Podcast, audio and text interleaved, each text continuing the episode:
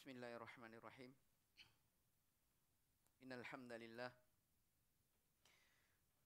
نحمده تعالى ونستعينه ونستغفره ونعوذ بالله من شرور أنفسنا وسيئات أعمالنا من يهده الله فلا مضل له ومن يضلل فلا هادي له أشهد أن لا إله إلا الله وحده لا شريك له وأشهد أن محمدا عبده ورسوله يا أيها الذين آمنوا اتقوا الله حق تقاته ولا تموتن إلا وأنتم مسلمون يا أيها الناس اتقوا ربكم الذي خلقكم من نفس واحدة وخلق منها زوجها وبث منهما رجالا كثيرا ونساء واتقوا الله الذي تساءلون به والأرحام إن الله كان عليكم رقيبا. يا أيها الذين آمنوا اتقوا الله وقولوا قولا سديدا. يصلح لكم أعمالكم ويغفر لكم ذنوبكم ومن يطع الله ورسوله فقد فاز فوزا عظيما أما بعد. فإن أصدق الحديث كلام الله عز وجل. وخير الهدي هدي نبينا محمد بن عبد الله صلى الله عليه وسلم. وشر الأمور محدثاتها فإن كل محدثة بدعة وكل بدعة ضلالة وكل ضلالة في النار. Ikhwani fiddin wa akhwati fillah kaum muslimin dan muslimat rahimani wa rahimakumullah. Alhamdulillah di malam hari ini kita bersyukur kepada Allah Subhanahu wa taala. Allah taala kembali mempertemukan kita di sebuah tempat yang agung salah satu masjid dari masjid-masjid Allah Subhanahu wa taala ya dalam rangka mempelajari saling mengingatkan saling nasihat menasihati tentang agama Allah Subhanahu wa taala. Ikhwani fid din wa akhwati fillah rahimani wa rahimakumullah. Di malam hari ini ya kita kembali melanjutkan kajian kita membaca kitab Salah Satu Usul. Karya Syekh Muhammad bin Sulaiman At-Tamimi alaihi rahmatullah. Yaitu pembahasan tentang tiga landasan pokok di dalam agama kita. Ya. Tiga landasan pokok di dalam beragama dan ini juga adalah tiga pertanyaan yang akan ditanyakan oleh malaikat kepada seorang hamba di alam kuburnya. Di alam kuburnya. Alhamdulillah di malam hari ini kita telah sampai di pembahasan anwa al-ibadah. Jenis-jenis dari ibadah. Ya, jadi kalau kita perhatikan di matannya. Coba diperhatikan matannya. Jadi pada pertemuan sebelumnya kita telah membaca telah menjelaskan terkait tentang al-asl al-awwal. Pokok yang pertama. Apa pokok pertama kemarin? Ah? Ma'rifatullah ya ma'rifatul abdi rabbah pengenalan seorang hamba kepada Robnya. Ya. Dan ini kita telah jelaskan. Ini telah kita jelaskan. Ya. Jadi kesimpulan supaya nyambung ya. Kesimpulan yang kita sebutkan kemarin ya jadi ketika kita ditanya siapa Robmu, maka jawablah Robku adalah Allah Subhanahu wa taala yang telah menterbiahku, yang mendidikku yang memeliharaku dan memelihara seluruh dari alam. Apa itu alam? Yaitu selain dari Allah Subhanahu wa taala itu disebut sebagai alam. Jadi segala sesuatu dialah Allah Subhanahu wa taala yang memeliharanya, yang mengaturnya. Iya. Kalau kita sudah yakini dialah Allah Subhanahu wa taala satu-satunya yang memelihara, yang mencipta, yang memberi rezeki, yang mengatur alam ini, maka keharusannya dialah yang berhak untuk diibadahi. Kan begitu? Ya, dialah yang berhak diibadahi. Nah, bahasa lainnya ya, bahasa lainnya pengakuan kita terhadap tauhid ar-rububiyah itu mengilzam, mengharuskan kita untuk mengakui juga tauhid apa? Tauhid al-uluhiyah seperti itu. Makanya Ibnu Katsir setelah menyebutkan ayat yaitu ayat perintah pertama dalam Al-Qur'an sekaligus larangan yang pertama Ibnu Katsir menyebutkan apa? Al-khaliqu li hadhil asya'i huwal mustahiqqu lil ibadah. Yang menciptakan segala sesuatu ya, itu ya, dialah yang berhak diserahkan kepadanya apa? Ibadah. Ya. Ingat ya, di terakhirnya dikatakan dialah yang berhak diserahkan kepadanya apa? Ibadah. Ya. Nah, makanya setelahnya ini yang kita akan bahas. Syekh rahimahullah taala menyebutkan di antara bentuk-bentuk ibadah. Ya, bentuk-bentuk apa? Ibadah yang khusus. Ya, diperuntukkan hanya untuk Allah Subhanahu wa taala. Makanya dikatakan setelahnya wa anwaul ibadah. Baik, coba dibaca. Mic-nya dulu.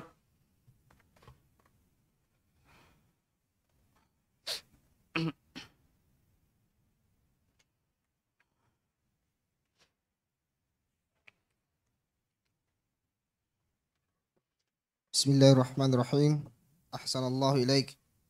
قال المصنف رحمه الله تعالى وأنواع العبادة التي أمر الله بها مثل الإسلام والإيمان والإحسان ومنه الدعاء والخوف والرجاء والتوكل والرغبة والرهبة والخشوع والخشية والإنابة والاستعانة والاستعاذة والاستغاثة والذبح والنذر وغير ذلك من أنواع العبادة التي أمر الله بها كلها لله تعالى.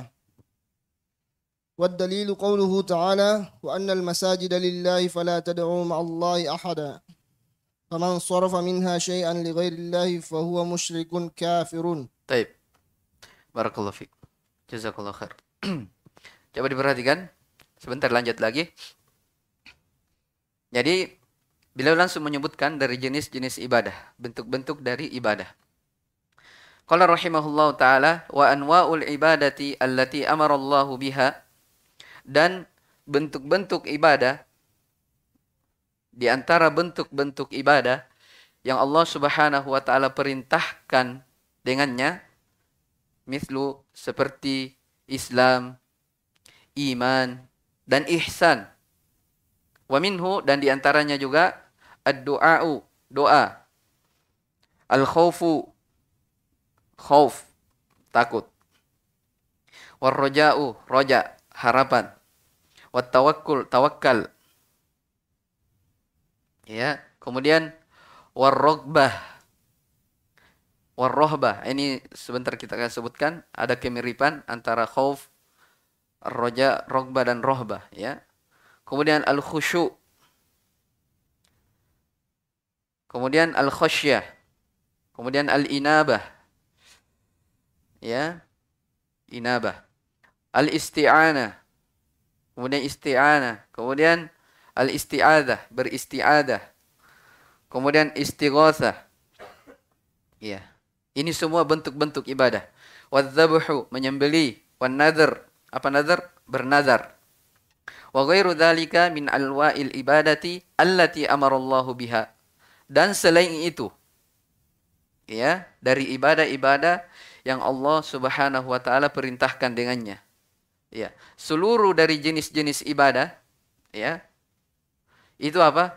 Kulluha lillahi ta'ala seluruhnya. Ha itu seluruhnya kembali ke mana? Ke ibadah. Seluruhnya diperuntukkan hanya untuk Allah Subhanahu wa taala. Ya wad dalilu qauluhu ta'ala dalilnya adalah firman Allah Subhanahu wa taala ini sudah kita baca kemarin ya wa annal masajida lillahi fala tad'u ma'allahi ahada. Bahwasanya masjid-masjid itu hanya milik Allah Subhanahu wa taala. Maka jangan sekali-kali kalian beribadah ya bersama dengan Allah Subhanahu wa taala kepada selain Allah. Ya, artinya apa? Dia menyamakan. Ya. Wa annal masajid bahwasanya masjid-masjid hanya milik Allah Subhanahu wa taala. Kemarin kita telah sebutkan. Masjid, apa yang dimaksudkan di sini masjid? Ada dua maknanya. Ada masjid bermakna ini yang kita pakai.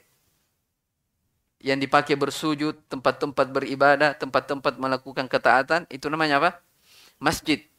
Ya. Sebagian menafsirkan masjid itu adalah tempat atau bukan tempat tapi apa? Anggota tubuh yang dipakai bersujud. Paham ya? Kita sudah jelaskan kemarin. Mana papan tadi? ya. Jadi jadi ada dua ya maknanya. Jadi kalau diterjemahkan bahwasanya masjid-masjid itu maksudnya tempat yang dipakai bersujud atau anggota tubuh yang dipakai bersujud itu diperuntukkan khusus hanya milik Allah Subhanahu wa taala. Fala tad'u ma'allahi ahada. Maka jangan sekali-kali beribadah selain beribadah kepada selain Allah Subhanahu wa taala bersama dengan Allah Subhanahu wa taala. Perhatikan kaidahnya. Ini yang saya mau pahamkan. Faman sarafa minha syai'an li ghairillahi fahuwa musyrikun kafirun. Perhatikan.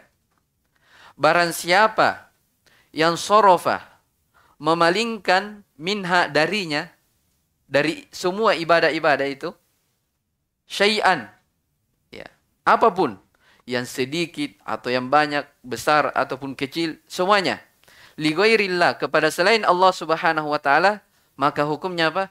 Musyrikun kafir. Perhatikan ya. Musyrik dan ka kafir. Perhatikan. Ya.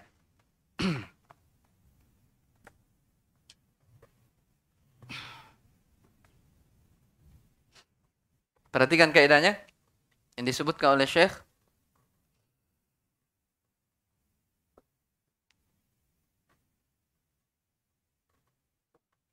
Apa tadi? Faman sorofa minha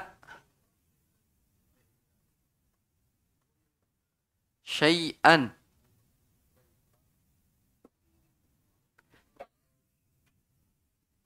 li ghairillahi apa? Fahuwa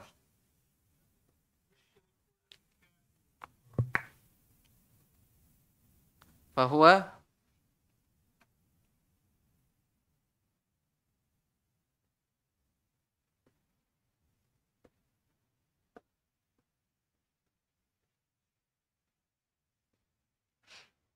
Ya. Coba diperhatikan sedikit sebelum lanjut. Ya. Setelah penulis rahimahullah taala menyebutkan dari jenis-jenis ibadah ya seperti Islam, iman, ihsan, apalagi ad-du'a war raja wal khauf semuanya. Itu sebahagiannya saja yang disebut dari apa? Contoh-contoh ibadah. Ya. Kemudian beliau apa? Sebutkan dalilnya. Wa annal masajid, ya. Hanya untuk Allah Subhanahu wa taala. Perhatikan faman sorofa. Siapa barang siapa yang sorofa memalingkan minha darinya ini hak darinya kembali kepada apa? Ibadah itu tadi yang disebutkan di antaranya. Ya. Siapa yang memalingkan dari ibadah itu syai'an walaupun sedikit ya sedikit banyak besar ataupun kecil semuanya ligoirillah kepada selain Allah Subhanahu wa taala. Ya. Maka apa hukumnya? Musyrik kafir. Ini hukumnya. Bayangkan, ya. Musyrik kafir. Pahami dulu. Ya. Ini baru sebahagian ibadah. Dan rata-rata jenis ibadah yang disebutkan di sini itu ibadah yang berkaitan dengan apa? Ibadah apa? Hah? Ibadah hati. Iya. Amalan-amalan apa? Hati. Kan tidak disebutkan seperti sholat, zakat. Iya. Apalagi haji bersedekah. Yang disebutkan oleh Syekh di sini kebanyakannya adalah apa? Ibadah yang dikerjakan oleh hati. Kenapa Syekh sebutkan ini ibadah hati? Ya, disebutkan oleh sebagian syurah di antara alasannya karena amalan-amalan hati itu lebih gampang dimasuki apa? kesyirikan. Kenapa? Karena antara dia dengan Allah Subhanahu wa taala tidak ada yang tahu. Ya. Sisi yang kedua kenapa disebutkan kebanyakannya ibadah hati di sini, amalan-amalan hati? Iya. Karena putar apa namanya sumber apa namanya ibadah itu ya pusat dari ibadah itu asalnya di mana? Di hati. Artinya apa? Kalau ibadah-ibadah hati saja sudah dimasuki oleh kesyirikan maka tentunya ibadah lisan anggota tubuh itu lebih apa?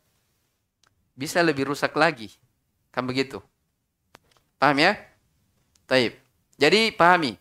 Siapa yang memalingkan dari ibadah-ibadah ini sedikit pun apa saja yang jelas dia palingkan ibadahnya kepada selain Allah Subhanahu wa taala yang tuh pahami dulu. Makna ibadah kemarin yang kita sebutkan. Masih ingat definisi ibadah? Ah apa definisi ibadah kemarin? Antum catat. Imtithalu khitabus syar ya melaksanakan perintah syariat. Iya. Yang disertai dengan apa? Kecintaan dan perendahan diri kepada Allah Subhanahu wa taala. Iya. Kalau bahasanya Syekhul Islam Ibnu Taimiyah, ismun jami'. Dia adalah nama yang mencakup seluruh yang Allah Subhanahu wa taala cintai dan ridhoi. Ya, baik itu yang zahir ataupun yang batin. Artinya Apa pun yang Allah Subhanahu wa taala cintai dan ridhoi, itu artinya apa? Dia disebut sebagai ibadah. Ya. Disebut sebagai ibadah. Siapa yang memalingkan ibadah itu kepada selain Allah Subhanahu wa taala, hukumnya apa? Musyrik dan kafir. Ya, harus dipahami dulu ya, jangan sampai mudah juga mengkafirkan. Ya. Apa maksudnya di sini musyrik dan kafir? Ya, dikatakan di, Syekh katakan musyrik. Kenapa dikatakan musyrik? Ya pahami apa definisi kesyirikan. Kesyirikan adalah apa? Menyamakan selain Allah dengan Allah Subhanahu wa taala pada perkara-perkara yang merupakan khususan Allah Subhanahu wa taala. Iya. Iya, jadi dikatakan musyrik karena dia memberikan kekhususan Allah Subhanahu wa taala kepada yang lainnya. Iya. Dan dikatakan kafir ya. Ini bagi orang yang sama sekali tidak memiliki keimanan kepada Allah Subhanahu wa taala. Ya. Dikatakan kafir karena bagi orang yang tidak apa? memiliki sama sekali keimanan kepada Allah Subhanahu wa taala. Artinya apa? Dia mengingkari dari hak-hak Allah Subhanahu wa taala. Iya. Jadi kadang ya dibahasakan itu musyrik kafir itu bagi orang apa? Memang sama sekali sudah tidak memiliki keimanan. Tidak memiliki apa? Keimanan. Dibahasakan dia apa? Musyrik kafir. Iya. Tapi kalau ada orang misalnya, perhatikan, ada orang dia ber, ada keimanan ya kepada Allah Subhanahu wa taala. Dia masih apa? Beriman kepada Allah Subhanahu wa taala. Tapi di sisi lain dia melakukan apa? Kesyirikan, ya. Misalnya meminta kepada kuburan, ya. Mengagungkan ya, pengagungan kepada selain Allah Subhanahu wa taala yang dilarang, ya. Itu kan artinya memiliki keimanan. Tapi apa? Dia melakukan kesyirikan. Maka ini kita katakan apa? Musyrik saja. Ya, tidak sampai dikatakan apa? Ka kafir. Difahamin ya? Jadi Syekh di sini langsung sebutkan apa? Faman sarafa minha syai'an li ghairillah fahuwa musyrikun kafirun. Siapa saja yang memalingkan dari ibadahnya kepada selain Allah Subhanahu wa taala, maka dia musyrik kafir. Ya, bayangkan ya ibadah khauf, roja, sebentar kita akan sebutkan dalilnya. Ya, kalau begitu kita di sini mengambil pelajaran bahwasanya manusia itu terbagi menjadi tiga kelompok. Ya. Manusia ada tiga golongan.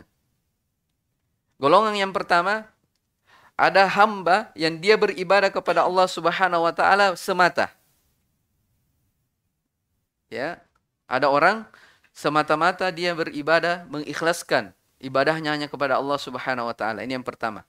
Ah, ini yang disebut sebagai orang apa? Muwahhid. Orang yang ber, bertauhid. Orang yang bertauhid.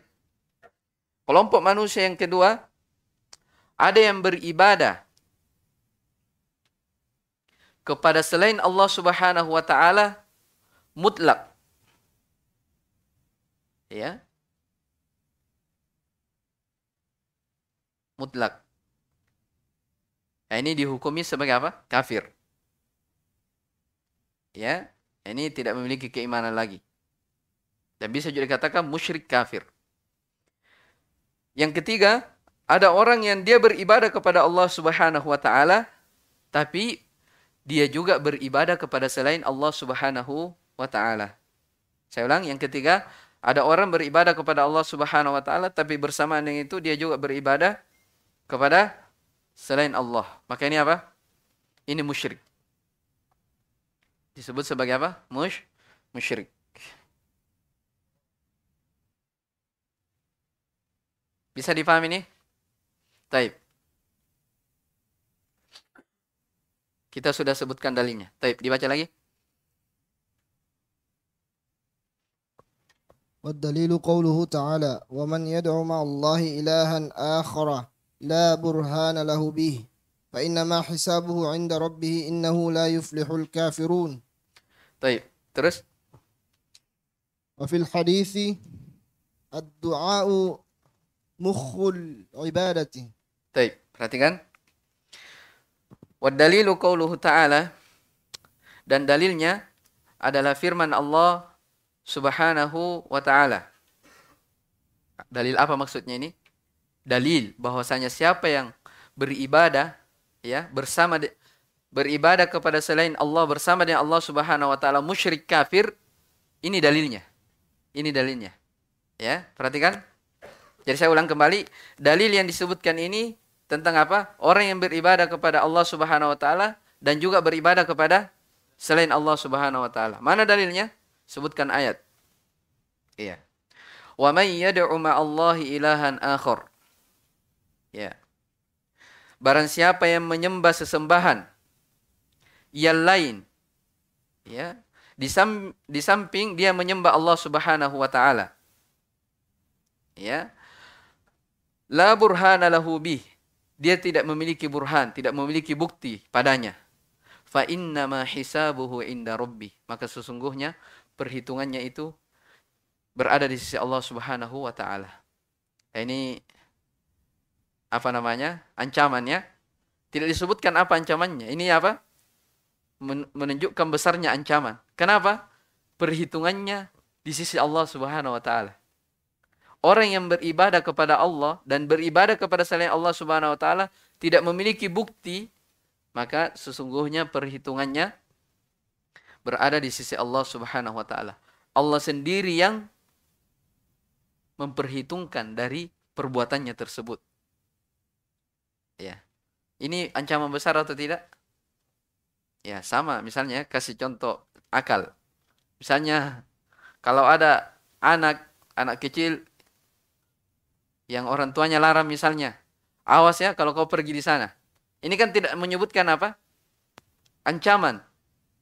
Tidak dia bilang saya jewer telingamu, saya ini.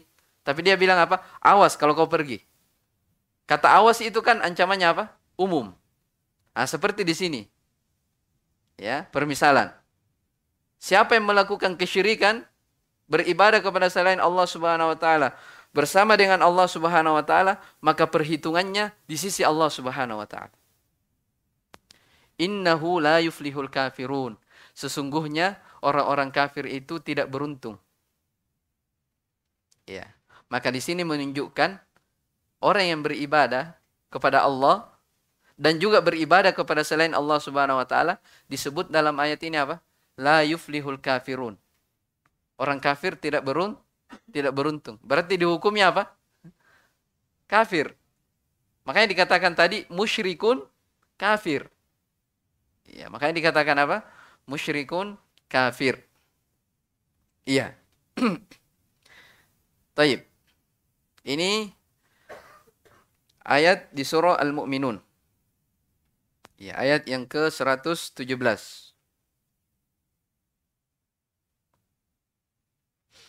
Taib. Kemudian kata Al-Muallif rahimahullah taala wa fil hadith dan di dalam sebuah hadis Nabi Shallallahu alaihi wasallam bersabda, "Ad-du'a'u mukhul ibadah." Ad-du'a'u mukhul ibadah. Ah, hadis ini beliau rahimahullah taala sudah memulai menyebutkan dalil tentang jenis-jenis ibadah yang disebutkan tadi. Ya, kalau kita kembali ke tadi, wa anwa'ul ibadah ya, jenis-jenis ibadah yang Allah Subhanahu wa taala perintahkan seperti Islam, iman, ihsan ini Islam, iman, ihsan tidak disebutkan karena akan dijelaskan di depan. Ya kan? Tentang keislaman, keimanan, ihsan akan disebutkan. Makanya Syekh rahimahullah ta'ala langsung menyebutkan dalil tentang apa? Doa itu adalah ibadah.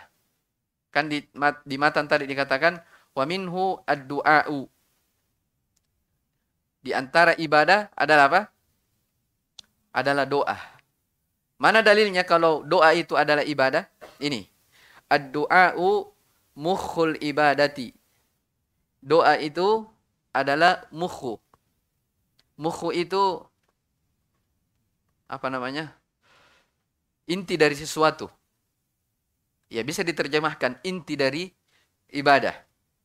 Ya. Jadi doa itu adalah inti dari ibadah. Ya hanya lafat ini, ya lafat doa umukhul ibadah itu ada kelemahannya dari sisi apa? riwayatnya.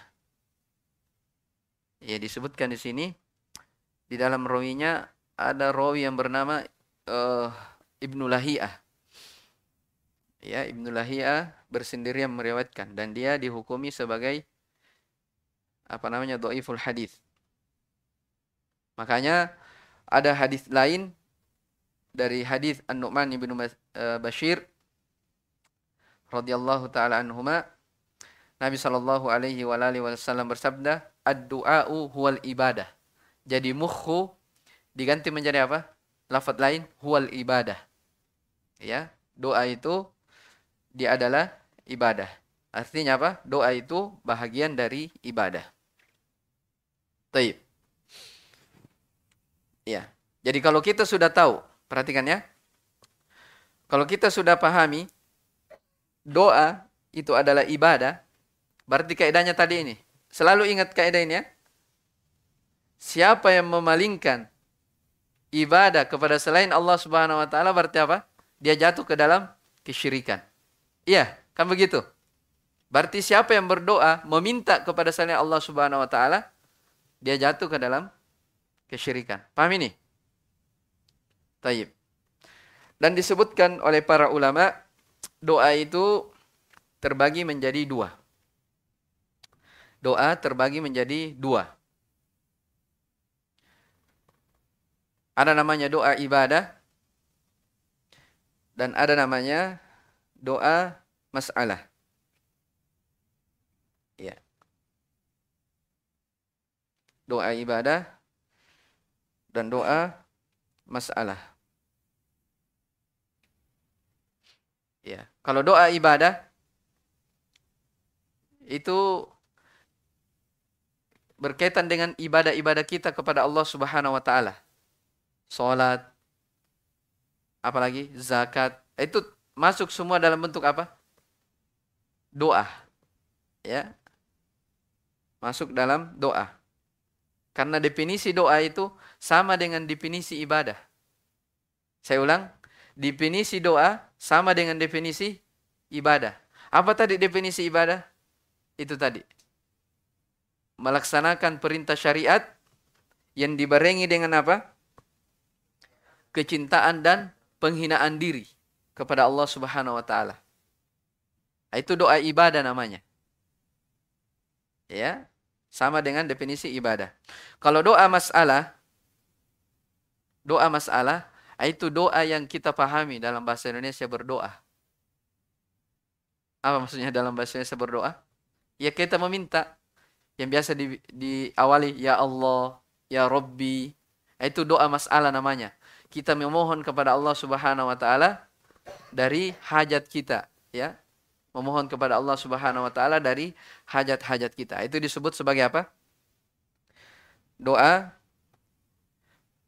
masalah. Sebagai doa masalah. Paham ya? Taib. Setelah kita pahami bahwasanya doa itu terbagi dua, ada doa ibadah dan ada doa masalah. Saya ulang kembali ya, kalau doa ibadah itu berkaitan dengan apa? Ibadah kita kepada Allah Subhanahu wa taala. Seperti misalnya solat. Itu doa ibadah. Kenapa dikatakan solat adalah doa? Permintaan? Kan dalam solat kita apa? Kita meminta kepada Allah Subhanahu wa taala. Ya, kita meminta kepada Allah Subhanahu wa taala. Taib. Kalau doa masalah itu permintaan.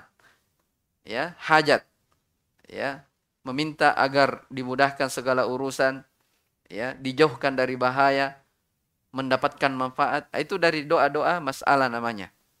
Iya. Wad dalilu ta'ala dalil lain bahwasanya doa itu adalah ibadah perhatikan adalah firman Allah Subhanahu wa taala. Sudah dibaca tadi ini? Baca dulu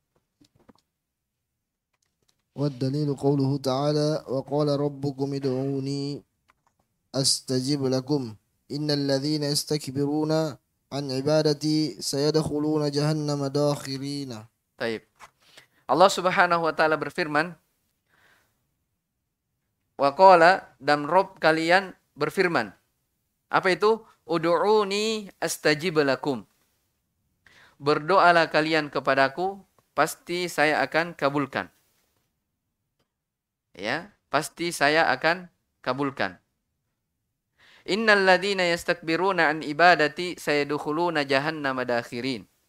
Sesungguhnya orang-orang yang istikbar, takabbur, sombong, ya, an ibadati dari beribadah kepadaku. Perhatikan sisi pendahilannya. Kenapa dikatakan doa itu adalah ibadah? Di awal kan dikatakan apa? Rob kalian berkata, Ber, memintalah kalian kepada aku, pasti saya akan kabulkan.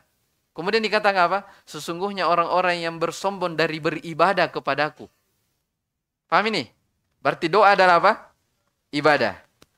Sayyidukhuluna jahannam madakhirin. Mereka akan dimasukkan ke dalam jahannam yang rendah, yang hina, ya, yang kekal. Ya, ini dalil bahwasanya doa itu adalah ibadah. Coba diperhatikan ayat ini ya.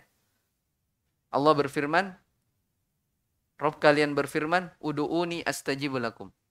Berdoalah kalian kepadaku, pasti saya akan kabulkan. Dipastikan. Ya mungkin di sini muncul pertanyaan. Kadang sebagian orang berdoa, tapi apa? Apa yang dia minta itu tidak tidak dikabulkan. Kan begitu? Ada yang alami seperti itu?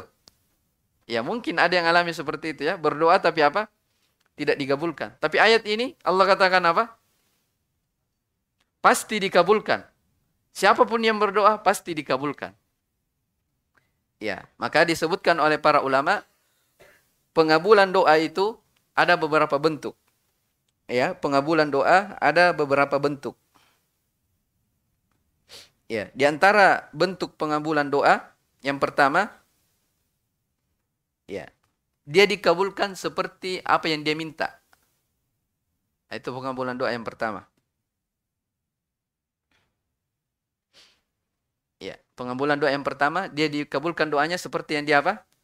Minta. Yang kedua, tidak diberi apa yang dia minta, tapi disimpangkan pahalanya sesuai yang dia minta. Allah Subhanahu wa taala menyimpannya. Artinya kalau disimpan ya itu untuk dirinya, dia akan dapatkan nanti pada hari pada hari kiamat. Iya. Kemudian berikutnya di antara bentuk pengabulan doa iya. Ya, dia minta ya dikabulkan mungkin dia ingin dipalingkan dari sesuatu yang berbahaya darinya. Artinya apa? Dia minta sesuatu. Dia minta sesuatu, ya. Kalau Allah Subhanahu wa taala beri dari apa yang dia minta, mungkin di masa yang mendatang akan berbahaya bagi orang tersebut. Maka Allah Subhanahu wa taala kabulkan beri yang terbaik baginya. Paham ini? Karena Allah Subhanahu wa taala yang Maha mengetahui keadaan hamba-hambanya. Ya. Nah, kalau begitu jelas ayat ini. Siapa yang berdoa kepada Allah Subhanahu wa taala, pasti Allah Subhanahu wa taala akan kabulkan. Ya, itu sisi yang pertama. Sisi yang kedua, kenapa doa kadang kita meminta tapi tidak dikabulkan? Ya mungkin, ini sisi yang kedua, mungkin kita tidak memenuhi syarat-syarat di dalam berdoa. Ya, dan ada disebutkan oleh para ulama syarat-syarat diterimanya apa? Doa. Ya. Ada yang disebutkan dalam dua bait syair apa namanya? Qalu syurutud du'ail mustajabi lana asyrum biha basyirid da'i biflahi taharatun wa salatun ma'huma nadamun waqtun khusyu'un uh, wa husnul dhanni ya sahi wa hillu kutin wa alla yud'a bi ma'siyatin wasmun yunasibun makrunun bilhahi. Itu 10 syarat diterimanya doa. Disebutkan dalam dua bait syair. Baik. Jadi ini yang pertama. Terkait tentang doa. Jadi jelas ya, pendalilan Syekh rahimahullah taala doa adalah ibadah karena dalam ayat dikatakan siapa yang bertakabur sombong dari beribadah kepadaku maka dia akan dimasukkan ke dalam neraka jahanam, diancam. Taib. Dibaca lagi. ودليل الخوف قوله تعالى فلا تخافوهم وخافوني إن كنتم مؤمنين Taib. Ini dari dalil khauf. Ya, dalil khauf. Sudah berapa? Ibadah, apa doa dan sekarang al khauf. Wa dalilul khaufi dan dalil al-khauf adalah firman Allah Subhanahu wa taala, "Fala takhafuhum wa khafuni in kuntum mu'minin." Janganlah kalian takut kepada mereka, takutlah kepadaku jika kalian benar-benar beriman. Sebentar kita akan sebutkan sisi pendalilannya. Sebelum kita lanjut, eh, pahami dulu apa makna dari khauf. Apa arti dari khauf? Khauf itu ya, dia adalah kekhawatiran di hati ya, rasa apa? cemas ya di hati pada masa yang akan mendatang. Pada masa yang akan mendatang. Itu al-khauf. Itu disebutkan oleh Al-Qasim rahimahullah ta'ala dalam hasya beliau. Jadi Al-Khawf itu apa? Dia kekhawatirannya itu di masa yang akan mendatang. Namanya orang takut, khauf ya, takut. Dia mengkhawatirkan sesuatu yang apa? Yang akan datang, seperti itu. Paham ya? Ya ada beberapa yang disebutkan ya. Ada juga namanya al-wajil al-wajil. Ini mirip juga rasa takut. Rasa takut. Tapi kalau al-wajil ini dia kekhawatiran yang berkaitan dengan di masa sekarang. Ya. Jadi kalau terjemahan bahasa Indonesia sama-sama dikatakan apa? Rasa takut. Ya, tapi kalau al-khauf itu rasa takut sesuatu yang dikhawatirkan di masa yang akan mendatang. Kalau al-wajil dia rasa takut yang apa? Yang dialami sekarang. Bisa dibedakan ya? Taib. Itu bahasa Arab ya. Artinya ya bisa khauf sama-sama rasa takut tapi dibedakan. Taib. Jadi yang disebutkan di sini takut. Ya, al-khauf. Al al-khauf. Jadi itu tadi mengkhawatirkan adanya kekhawatiran di hati pada sesuatu yang akan mendatang. Ya. Dalilnya adalah firman Allah Subhanahu wa taala Fala takhafuhum Janganlah kalian takut kepada mereka Wa khafuni Takutlah kalian kepadaku jika kalian benar-benar beriman kepada Allah Subhanahu wa taala. Jadi diberi syarat apa? Keimanan. Ya, menunjukkan dia adalah ibadah. Khauf itu adalah ibadah. Karena Allah katakan, takutlah kalian kepadaku. Jangan takut kepada mereka. Tapi takutlah kepadaku jika kalian memang benar-benar beriman kepada Allah subhanahu wa ta'ala. Ya, ini sisi pendalilannya. Menunjukkan al-khawf, rasa takut itu adalah ibadah. Terhitung sebagai ibadah. Kembali kita ulangi. Kalau dia ibadah, kalau khauf itu adalah ibadah, maka kaidahnya apa? Tadi, di atas. Apa itu? Siapa yang memalingkannya kepada selain Allah subhanahu wa ta'ala, berarti dia musyrik dan kafir. Tinggal pertanyaannya. Berarti saya tidak bisa, tidak boleh takut kepada umat, apa kepada ular atau kepada serigala, kepada anjing. Kenapa tidak boleh? Musyrik kafir. Bagaimana cara menjawabnya ini? Hah? Kan kita membahas sekarang apa? Masalah khauf. Ya, khauf. Rasa takut. Kalau saya takut kepada singa, contoh lain takut corona, ya. Berarti apa? Musyrik. Begitu? Hah? Tidak. Ya, makanya kita harus pelajari jenis-jenis dari rasa takut itu apa saja. Ada jenis-jenisnya. Disebutkan oleh para ulama. Ya.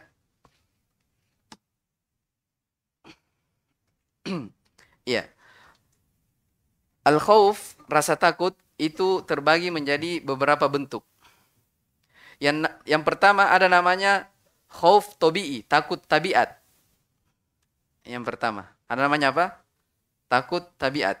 Sebentar saya akan tanya, kalau tidak tahu berdiri. Taib. Ada namanya takut tabiat. Takut tabiat ini seperti takut terhadap musuh, takut terhadap hewan buas, atau yang tadi yang saya sebutkan contohnya. Iya. Ah, takut yang sifatnya seperti ini, takut tobi'i, ah, itu apa? Seseorang tidak dicela. Ya. Tidak dicela, tidak masalah. Ya. Makanya ketika Nabi Musa alaihissalam takut kepada Fir'aun, ya Allah kata apa? La takhofa innani ma'akuma asma'u wa ara. Jangan engkau berdua, Nabi Musa dan Nabi Harun, jangan kalian berdua takut kepada Fir'aun. Sesungguhnya saya, kata Allah subhanahu wa ta'ala, bersama kalian berdua. Saya melihat kalian. Nah, ini maksudnya takut. Takutnya Nabi Musa alaihissalam takut apa ini? Tabiat. Paham ya?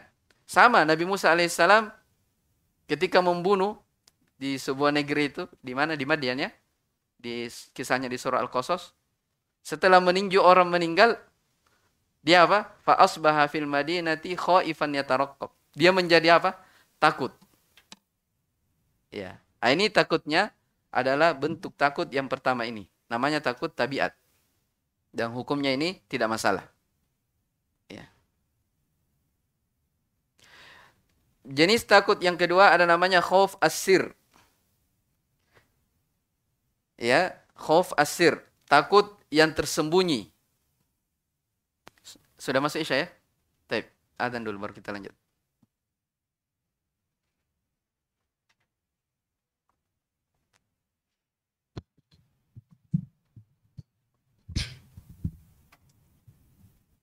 Allah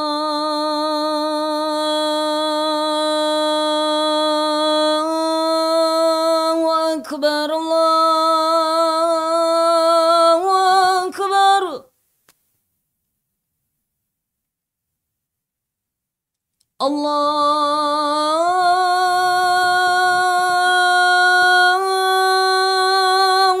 أكبر الله أكبر.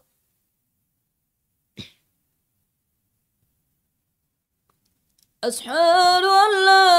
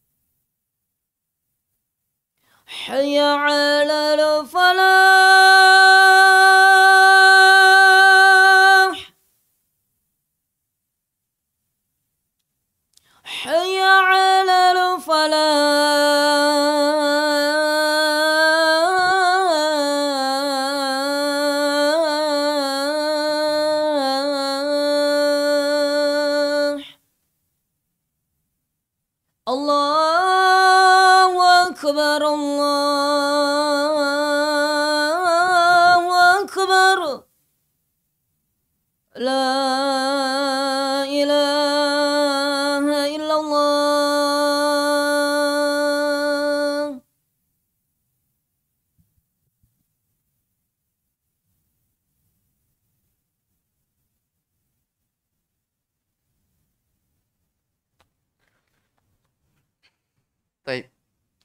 Ikhwani fiddin wa akhwati fillah rahimani wa rahimakumullah. Ya, kita lanjut ya. Jadi sekarang kita masih di pembahasan al-khauf. Ya, sudah doa al-khauf. Ya. Kita sudah sebutkan jenis-jenis al-khauf, rasa takut. Yang kedua, yang pertama tadi apa? Tabiat. Ini hukumnya apa? Hukumnya? Tidak apa-apa. Ya, tidak masalah. Ya wajar ya. Kalau khauf apa? Tabiat. Jangan bilang jangan kita takut ke corona, kita hanya takut kepada Allah Subhanahu wa taala. Pernah dengar begitu? Hah? itu orang tidak belajar itu. Ya. Ya, itu khauf tabiat. Namanya tabiat manusia memiliki rasa takut, ya tidak ada hukumnya. Ya, tapi kalau orang yang tidak membedakan antara khauf tabiat dan khauf ibadah, dia akan bingung. Ya, dia akan bingung. Ya, itu pentingnya apa? Seseorang belajar. Ya, pentingnya seorang mempelajari dari rincian-rincian dalam syariat kita. Taib. Jenis khauf yang kedua namanya ada rasa takut yang bentuknya sir. Sesuatu yang tersembunyi, tidak kelihatan. Ini seperti orang takut kepada berhala, ya, takut kepada penghuni kubur, ya, atau takut kepada syaitan dan selainnya ya. Ini namanya apa? Khauf asir. Ya. Nah, ini biasanya khauf yang seperti ini terjadi orang-orang yang mengagungkan kuburan. Ya, wih harus disembelihkan itu. Kalau tidak marah penghuninya. Kan begitu kan? Nah, itu takut yang sifatnya apa? Sir. Sesuatu yang tersembunyi. Nah, ini hukumnya dihukumnya apa? Kesyirikan juga. Ya, dihukumi sebagai apa? Syirik. Iya. Jenis khauf yang ketiga ada namanya apa? dia takut apa namanya meninggalkan kewajiban karena takut kepada orang lain. Ini jenis khauf yang ketiga, meninggalkan kewajiban karena takut kepada orang lain. Ya, contoh misalnya, ya ada orang dia mampu amar ma'ruf nahi mungkar, ya tapi dia apa? Tidak melakukannya. Ah, ini namanya khauf apa? Dia meninggalkan kewajibannya karena takut kepada orang lain. Ya, ini hukumnya kata Syekh Ibn Utsaimin haram. Diharamkan. Ya, di diharamkan. Yang keempat dari jenis khauf rasa takut, nah ini yang terakhir adalah khauful ibadah. Rasa takut yang bentuknya apa? Ibadah. Rasa takut yang bentuknya ibadah. Ya. ya kalau rasa takut yang bentuknya ibadah ini dipalingkan kepada selain Allah Subhanahu wa taala, maka dia dihukumi apa? Musyrikun kafir. Ya. Ini empat jenis apa namanya? Khauf, rasa takut yang disebutkan oleh para ulama. Ya, yang disebutkan oleh para ulama. Jadi kalau begitu yang dibolehkan itu hanya khauf apa? Bentuknya yang tabiat saja ya bentuk dari tabiat saja. Ya, dan memang ini apa namanya? rasa khauf ini, rasa takut ini itu harus apa namanya? senantiasa ada dalam hati. Ketika seorang beribadah kepada Allah Subhanahu wa taala, ya, maka hati itu senantiasa apa namanya? memiliki rasa takut kepada Allah Subhanahu wa taala. Makanya disebutkan oleh para ulama ya. Jadi ada tiga ya ada tiga perkara, ada tiga amalan hati yang harus ada dalam ibadah itu. Apa itu? Cinta, rasa takut, dan rasa apa? Harapan. Iya. Apa? Rasa cinta, apa lagi? Rasa takut dan harapan. Bahkan Ibnu Qayyim rahimahullah taala menyebutkan memperumpamakan tiga ini bagaikan burung. Bagaikan burung yang apa? Terbang. Ya. Bagaimana bentuk terbang? Bagaimana cara diperumpamakan? Iya. Rasa cinta itu itulah badang dari burung itu, badannya, anggota tubuhnya. Kedua sayapnya, kiri dan kanannya, itu apa? Khauf dan roja. Khauf dan roja. Rasa takut dan harapan. Ya. Siapa yang beribadah kepada Allah Subhanahu wa taala hanya sekadar cinta saja, tidak didasari roja dan harapan, maka ini disebut sebagai orang zindiq, orang-orang munafik. Siapa yang beribadah kepada Allah Subhanahu wa taala hanya rasa takut saja tanpa didasari dengan harapan, ini khawarij. Ya, khawarij, ya. Orang-orang yang apa? Putus asa hidup. Maunya apa? Yang instan-instan saja. Tek, mati, masuk surga. Nah, itu apa? Orang yang apa? Beribadah kepada Allah Subhanahu wa taala yang rasa takutnya sangat sangat kuat. Sehingga apa? Dia tidak memiliki rasa harapan. Ya. Tidak berharap lagi kepada Allah Subhanahu wa taala. Makanya orang-orang begitu dia cari hidup yang apa? Yang simpel, yang singkat saja. Singkat, mudah, praktis. Ya. Nah, itu disebut. Nah. Adapun orang-orang yang beribadah kepada Allah Subhanahu wa taala dan hanya dengan rasa berharap saja tanpa rasa takut, ah, itu disebut sebagai murjiah. Ya, itu ada pembahasannya ya. Ya, itu disebutkan oleh sebagian ulama. Jadi orang-orang yang beriman, ya, yang betul-betul beribadah kepada Allah Subhanahu wa taala, maka di dalam hatinya di dalam mengagungkan Allah Subhanahu wa taala, dia mengumpulkan tiga hal. Dia mengumpulkan cinta kepada Allah Subhanahu wa taala. Ya, cinta kepada Allah Subhanahu wa taala yang disertai dengan berharap dan takut kepadanya. Nah, itu baru disebut sebagai apa? Ibadah. Ya. Makanya kata Abu Sulaiman Ad-Darani, "Ma faraqal apa? Ma faraqa al-khaufu qalban illa kharib. Ya. Tidaklah rasa takut itu berpisah dari hati kecuali hati itu pasti akan rusak. Kapan salah satu dari tiga ini tidak ada dalam hati, maka itu apa? Mengkhawatirkan diri itu. Ya, dalam beribadah kepada Allah Subhanahu wa taala. Ya, maka itu tiga perkara yang harus selalu bergandengan antara cinta, harapan, dan takut kepada Allah subhanahu wa ta'ala. Saya kira jelas ya tentang al-khawf. Lanjut. Satu lagi ya.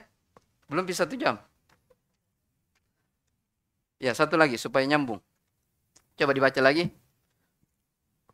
Wa dalilur raja'i qauluhu ta'ala faman kana yarju liqa'a rabbih falyamal 'amalan salihan wa la yushrik bi'ibadati rabbih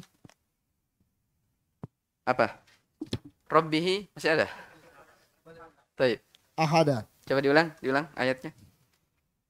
قوله تعالى فمن كان يرجو لقاء ربه فليعمل عملا صالحا ولا يشرك بعبادة ربه أحدا طيب بارك الله فيك ودليل الرجاء dalil tentang roja Ingatnya langsung disebutkan dalil karena sudah disebutkan tadi. Wa anwaul ibadah di antara jenis ibadah adalah doa, takut, apalagi roja harapan. Sekarang harapan. Dalil tentang harapan adalah firman Allah Subhanahu wa taala. Faman kana yarju liqa'a rabbih falyamal amalan salihan wa la yusyrik bi ibadati rabbih ahada. Barang siapa yang mengharapkan perjumpaan dengan Robnya, Allah Subhanahu wa taala, maka hendaknya dia melakukan amalan soleh dan tidak mempersekutukan Allah Subhanahu wa taala dengan sesuatu apa pun juga. Mana sisi pendalilannya? Faman kana yarju. Siapa yang mengharapkan harapan? Iya.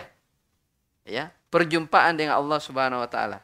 Ya, menunjukkan di sini bahwasanya roja harapan itu adalah bentuk dari bentuk-bentuk ibadah. Apa itu roja? Ya, perlu dipahami dulu apa itu ar-roja? Ya. Ar-roja itu ya, at-tama ya, atau al-intidhar asy al-mahbub. Ya. Artinya dia punya keinginan ya, punya keinginan untuk meraih sesuatu yang dia harapkan, yang dia ingin dapatkan. Itu rojak namanya. Saya ulang ya. Punya keinginan untuk meraih sesuatu yang ingin dia dapatkan ya, atau ingin dia capai. Paham ini? Itu harapan namanya. Jadi punya keinginan untuk mendapatkan apa? Sesuatu itu. Nah, itu namanya apa? Harapan.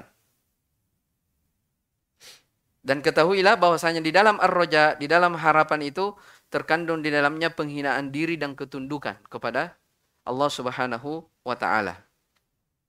Ya, kepada Allah Subhanahu wa taala. Jadi dalam roja itu terkandung apa? Penghinaan diri dan apa? ketundukan. Penghinaan diri dan ketundukan.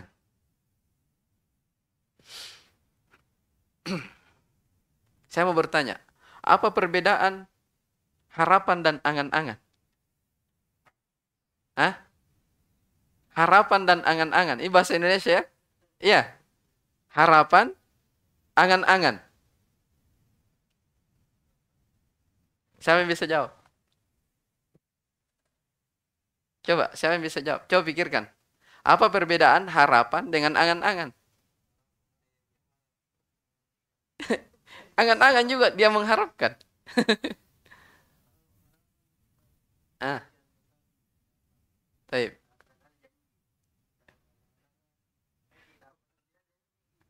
Angan-angan juga kemungkinan besar dia bisa dapat. Siapa yang bisa jawab? Ya, terus kalau angan?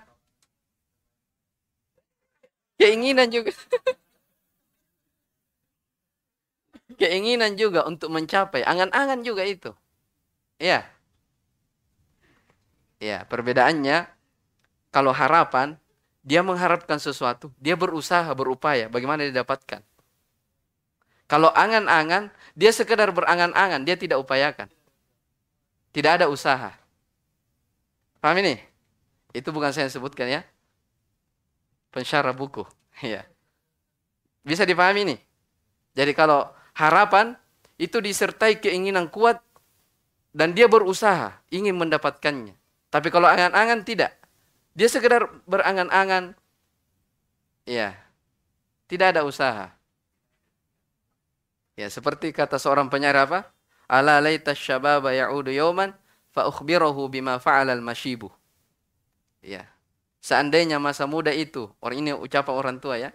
Seandainya masa muda itu bisa kembali walaupun sehari, maka saya akan khobarkan apa yang diperbuat oleh orang-orang tua. Artinya apa? Ini angan-angan yang mungkin atau tidak? Orang tua berangan-angan mau muda kembali. Nah, ini angan-angan namanya. Ya, mustahil. Ya, taib. Itu perbedaan antara roja dan tamanni. Harapan dan angan-angan. Ya, jadi jelas ya. Kita kembali. Kalau harapan punya keinginan untuk meraih sesuatu yang dia harapkan. Ya, disertai dengan apa? Usaha tadi. Ya. Dan harapan itu ada berbagai macam bentuknya. Ya. Bentuk-bentuk dari harapan itu ada harapan yang bentuknya terpuji dan ada harapan yang bentuknya tercelah. Ya. Harapan yang bentuknya terpuji itu ada dua. Ya, seperti apa? Misalnya harapan yang terpuji yang pertama, yang pertama seseorang mengharapkan amalan ketaatan kepada Allah Subhanahu wa taala, dia berharap kepada Allah Subhanahu wa taala, mengharapkan pahala di sisi Allah Subhanahu wa taala. Ya. Mengharapkan dari amalan-amalannya dibalas oleh Allah Subhanahu wa taala. Ini harapan apa? Terpuji bentuknya ibadah. Ya. Ada harapan Yang kedua, seseorang itu dia berbuat dosa. Dia melakukan dosa, kemudian dia bertobat dari dosanya dan mengharapkan pengampunan Allah Subhanahu wa taala. Jadi tadi orang beramal. Dengan amalannya itu dia berharap apa? Mendapatkan ridho Allah Subhanahu wa taala. Ini apa? Terpuji. Paham ya? Kalau yang kedua, pelaku dosa. Dia bertobat dari dosanya. Dia meng, apa namanya? menyesali dari perbuatan dosanya. Kemudian dia mengharapkan ampunan Allah Subhanahu wa taala. Ini kan apa? Harapan juga. Nah, harapan. Maka harapan ini juga apa? Terpuji. Kemudian yang ketiga dari bentuk harapan dan ini yang terkira yaitu orang seorang yang terus menerus melakukan dosa kemaksiatan. Ya. Lalai. Tidak mau kembali kepada Allah Subhanahu wa taala. Tapi dia senantiasa mengharapkan ridho Allah Subhanahu wa taala.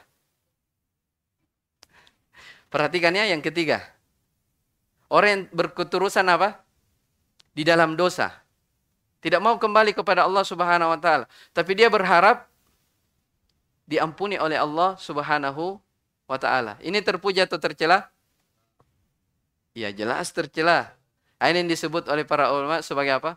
Orang-orang yang gurur, orang-orang yang tertipu. Orang-orang yang apa? Orang-orang yang tertipu.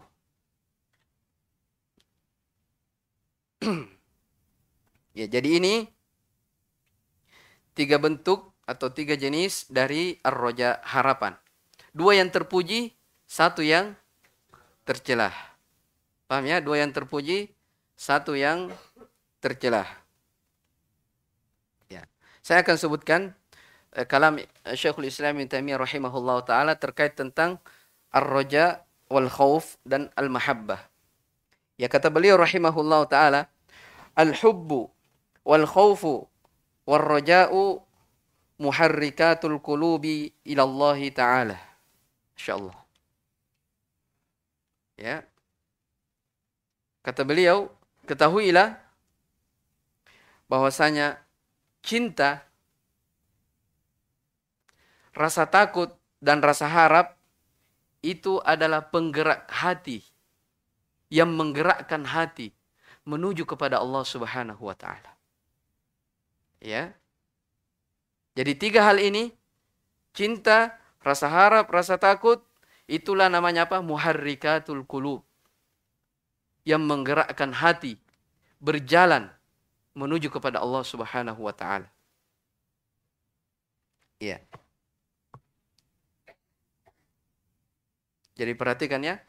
Jadi kalau orang merasa mencintai, punya kecintaan, ya. Nah, ini dia diibaratkan cinta ini ya, ini yang membuat dia apa? terarah.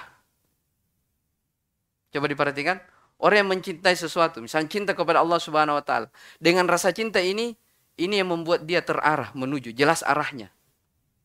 Ya. Jelas arahnya. Ya. Kalau rasa khauf, rasa takut, ah, ini yang membawa dia untuk menghardik dirinya dari belakang. Jadi ada orang berjalan, ah, ini bagi apa? Cinta, berjalan menuju kepada yang dia cintai. Di sisi lain dia memiliki rasa khauf. Rasa khauf ini yang menghardik dirinya dari belakang. Ya. Kemudian ada namanya apa? Ar-roja namanya apa? Ar-roja. Ah, ini dia, ini yang membawa dia untuk berjalan ke depan. Ya. Jadi ada yang terus mengarahkan dia berjalan ke depan, ada yang menghardik dia dari belakang. Seperti itu. Apa namanya? Ibadah kepada Allah Subhanahu wa taala. Itulah yang menggerakkan hati-hati hamba. Ya. Cinta, berharap, penuh rasa takut kepada Allah Subhanahu wa taala. Ya penuh rasa takut kepada Allah Subhanahu wa taala. Perhatikan dalilnya. Ya. Faman kana yarju liqa'a rabbih falyamal amalan salihan wa la yusyrik bi ibadati rabbih ahada. Barang siapa yang mengharapkan, yang menginginkan, perhatikan, yang mengharapkan. Berarti apa? Punya harapan ya perjumpaan dengan Allah Subhanahu wa taala. Apa syaratnya? Ya liko itu liko berjumpa, perjumpaan dengan Allah Subhanahu wa taala ada dua maknanya. Ya. Ada liko yang bermakna berjumpa dengan Allah Subhanahu wa taala dengan penuh keridhaan Allah Subhanahu wa taala. Perjumpaan yang dipenuhi dengan kenikmatan. Ya, Ada juga liko, liko perjumpaan yang sifatnya umum. Kalau liko yang tadi, perjumpaan dengan Allah Subhanahu wa taala yang disertai dengan ridho Allah Subhanahu wa taala, itu perjumpaan yang khusus diberi kepada orang-orang yang beriman. Adapun perjumpaan yang kedua yang sifatnya umum, itu semua manusia akan berjumpa dengan Allah Subhanahu wa taala. Orang kafir, muslim, fajir, orang-orang yang penuh dengan dosa, Orang-orang yang beriman, orang yang taat, semuanya akan berjumpa. Iya. Makanya dalam hadis dikatakan apa? Ma minkum min ahadin illa sayukallimuhur rahman. Ya begitu maknanya. Tak seorang pun di antara kalian kecuali akan diajak bicara oleh Allah Subhanahu wa taala langsung. Laisa bainahu wa bainahu tarjuman. Tidak ada penerjemah antara dia dengan Allah Subhanahu wa taala. Artinya apa? Semua manusia akan diajak bicara. akan berjumpa dengan Allah Subhanahu wa taala. Ini perjumpaan yang bentuknya apa? Perjumpaan umum. Semua orang berjumpa. Ya. Kalau perjumpaan khusus itu untuk orang beriman. Dia berjumpa dengan Allah Subhanahu wa taala yang penuh dengan keridhaan, penuh dengan kenikmatan. Mungkin ada yang bertanya, bagaimana dalam hadis-hadis yang, lain menjelaskan ya, tidak akan diajak bicara oleh Allah Subhanahu wa taala? Kan ada hadis begitu. Ada tiga golongan. Mereka tidak akan diajak bicara Allah Subhanahu wa taala, tidak akan disucikan dan baginya siksaan pedih. Tidak ada tidak diajak bicara. Apa maksudnya di situ diajak bicara? Maksudnya tidak diajak bicara dengan pembicaraan yang penuh dengan keridhaan. Dia berbicara tapi berbicara dengan dihardik, diancam seperti itu. Ya. Dengan Allah Subhanahu wa taala. Jadi di sini dalam ayat ini siapa yang menginginkan mengharapkan perjumpaan dengan Allah Subhanahu wa taala? Ya.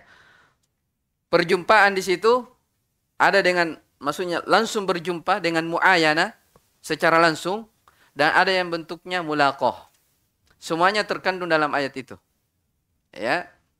Jadi siapa yang mengharapkan perjumpaan dengan Allah Subhanahu wa taala maka syaratnya dua.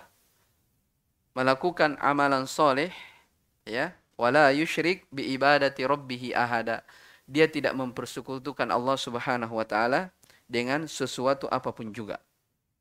Ya, dengan sesuatu apa pun juga. Syaratnya ya. Melakukan amalan soleh dan tidak mempersekutukan Allah Subhanahu wa taala. Paham ini? Bisa difaham ya? Dalil tentang ar-roja. Bahwasanya roja itu adalah ibadah. Ya, adalah ibadah. Siapa yang memalingkan ibadah kepada selain Allah Subhanahu wa taala, maka dia apa? Musyrik kafir. Pokoknya ambil kaidah yang telah ditulis. Nah, ini bentuk ibadah yang keberapa kita sebutkan? Yang ketiga. Masih ada ya? Masih ada beberapa pembahasan. Ya waktu kita sudah ya cukup. Ya masih ada tawakal, inabah, rogba, rohbah. Nah, ini ibadah-ibadah hati semua. Penting untuk kita tahu, penting untuk kita bedakan. Ya apa perbedaan antara satu dengan yang lainnya. Ya. Taib. Sekira ini dulu. Uh, ilahuna. Subhanakallah bihamdik. Asyadu an la ilaha illa anta. Astaghfiruka wa atubu ilaik. Walhamdulillahi rabbil alamin. Wassalamualaikum warahmatullahi wabarakatuh.